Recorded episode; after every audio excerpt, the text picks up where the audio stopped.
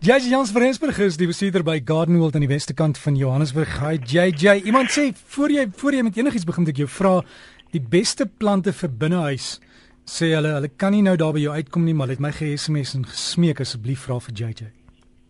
Wie jy direk het met dit hang alles af môre wat ek eers sê daarom ten minste groet.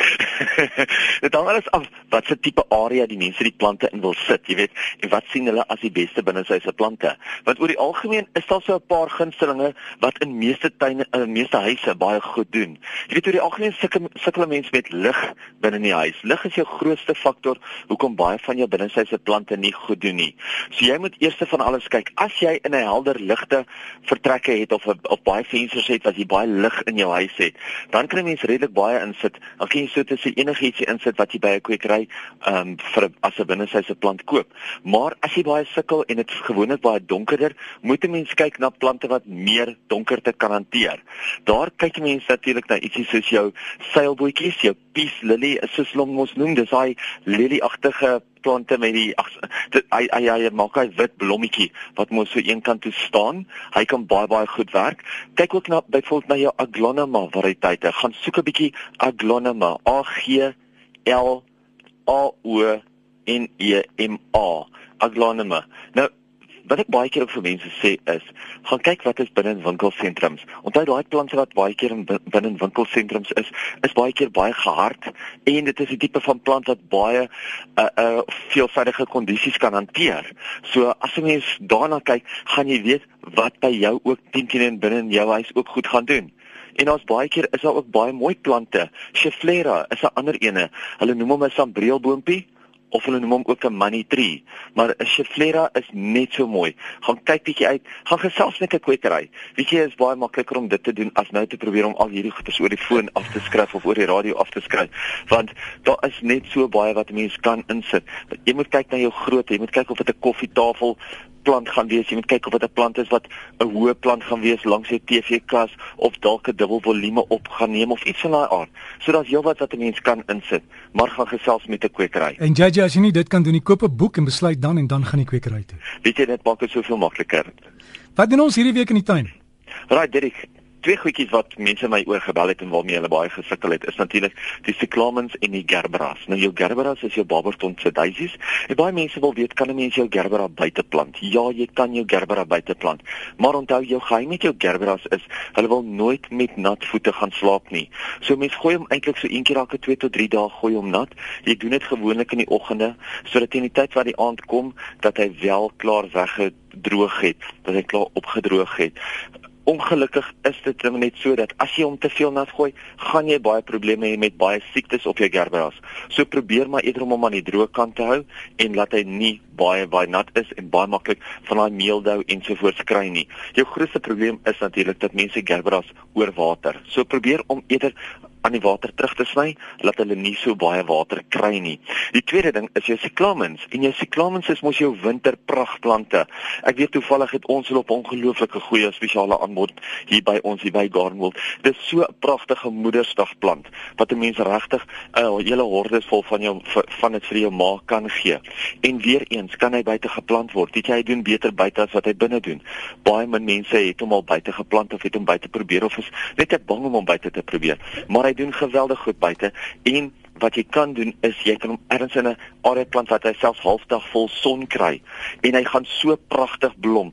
Jy ken jy die cyclamen direk dit is daai met daai pragtige trosse pink blomme wat hy op die oomblik vir jou gee. Pink, wit, pers, alle verskil, verskillende kleure. Jy kry hom gewoonlik as 'n binnesyse plant. Ek ken hom jy jy, jy sê cyclamen, ek ken hom as 'n cyclamen, is dit die Engelse woord of? Die Afrikaanse en Hollandse naam is cyclamen, maar die Engelse naam is cyclamen en jy's 100% reg, dis dieselfde ding. So ja, gaan kyk bietjie uit of jy nie hierdie jaar ietsie anders in jou wintertuin kan probeer nie. En cyclamens kan pragtig doen in jou tuin. Gaan loer bietjie uit daarna. Wat ons wel hierdie tyd van die jaar nou in ons tuin gaan doen, is ons gaan begin kompos maak. Onthou al daai mense wat al hulle sakke en sakke blare wegry as hoop toe, gaan kyk bietjie mooi na hoeveel geld jy eintlik daar weggooi. Daai blare wat jy wegry, kan jy eintlik jou eie kompos van maak. Nou wat het ons nodig? Kyk, meeste mense maak twee groot foute as hulle 'n komposhoop beplan.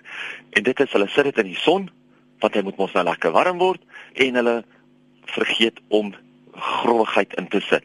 So as ek praat van growwigheid, dan praat ek nou van blare, ek praat van opgevrommelde papier, ek praat van fynere takkies en daai tipe van goed. Onthou, 'n komposhoop wil in die skaduwee wees. As hy halfdag son kry so of vroegoggend of laatmiddag son, nie 'n probleem nie, maar hy wil eintlik in die skaduwee wees. Hy moet sy eie hitte genereer. Jy hoef nie vir hom hitte te gee met behulp van die son nie. En dan moet 'n mens verskriklik baie growwigheid inmeng. So op die oomblik het ons al daai blare wat val, so daai blare kan 'n mens lekker los inwerk en jy kan jou komposhoop deurlig. Dit is baie baie belangrik om daai komposhoop te kan deurlig. En dis hoekom baie mense gaan en hulle of die komposhoop draai of hulle vat 'n tuinvark en hulle lig hom. So elke nou en dan lig hulle hom op dat hom eintlik kan weer laat asemhaal. Nou, dis belangrik ook om seker te maak dat jou komposhoop wel gereeld kan nat gegooi word. So moet hom nie ergens aan die ander kant van die huis sit waar daar nie 'n kraan of 'n tuinslang is nie. Mens moet probeer om jou kompos ook ten minste een keer 'n week, twee keer 'n week nat te gooi sodat hy ook die suurstof in die hoop kan inkry, maar ook daai vog help dat hy baie vinnig afbreek. So gepraat van afbreek, mense kry verskillende produkte waarmee mense jou kompos ook kan laat afbreek. Baie mense gebruik kraalmis as jy kraalmis tot jou beskikking het. Ander mense koop weer 'n kompos aktiveerder by 'n kwekery, maar 'n baie goeie natuurlike kompos aktiveerder is 'n plant genaamd Komvry.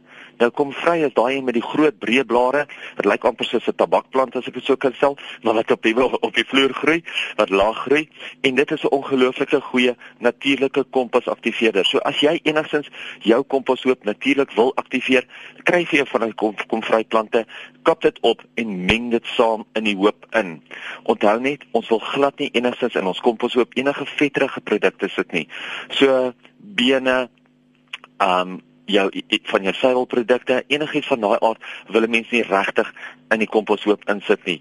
Maar enige ander kombuisafval tot en met jou koerantpapier tot en met van jou tydskrifte onthou glanspapier vat baie lank om af te breek maar ook jou eierboksies. Jou eierboksies is ongelooflik want hulle deurlig weer jou komposhoop. So kyk bietjie uit waar kan jy 'n komposhoekie ergens in jou tuin begin? En dit hoef nie baie groot te wees nie en jy sal sien jy kan sommer in 'n jap trap. Binne 2 3 maande kan jy daai kompos vat en jy kan dit weer in die tuin inwerk.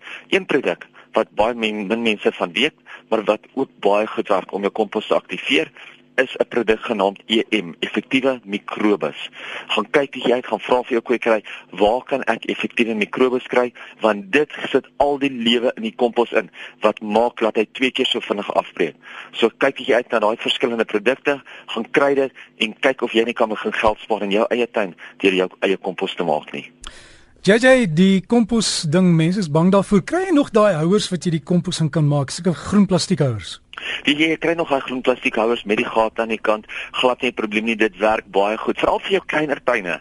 Daar waar jy wil hê waar dit baie netjies moet wees. Daar kan jy nou daai houers gebruik. Jy kry die die die, die groen plastiekhouers, jy kry die swart houers. Op 'n stadium was daar so selfs van hierdie uh vierkantige plankies wat mense langs mekaar basies kan neersit en opbou op lig. Maar ek weet nie hulle werk heeltemal so goed nie want hulle deurlig hom nie genoeg nie.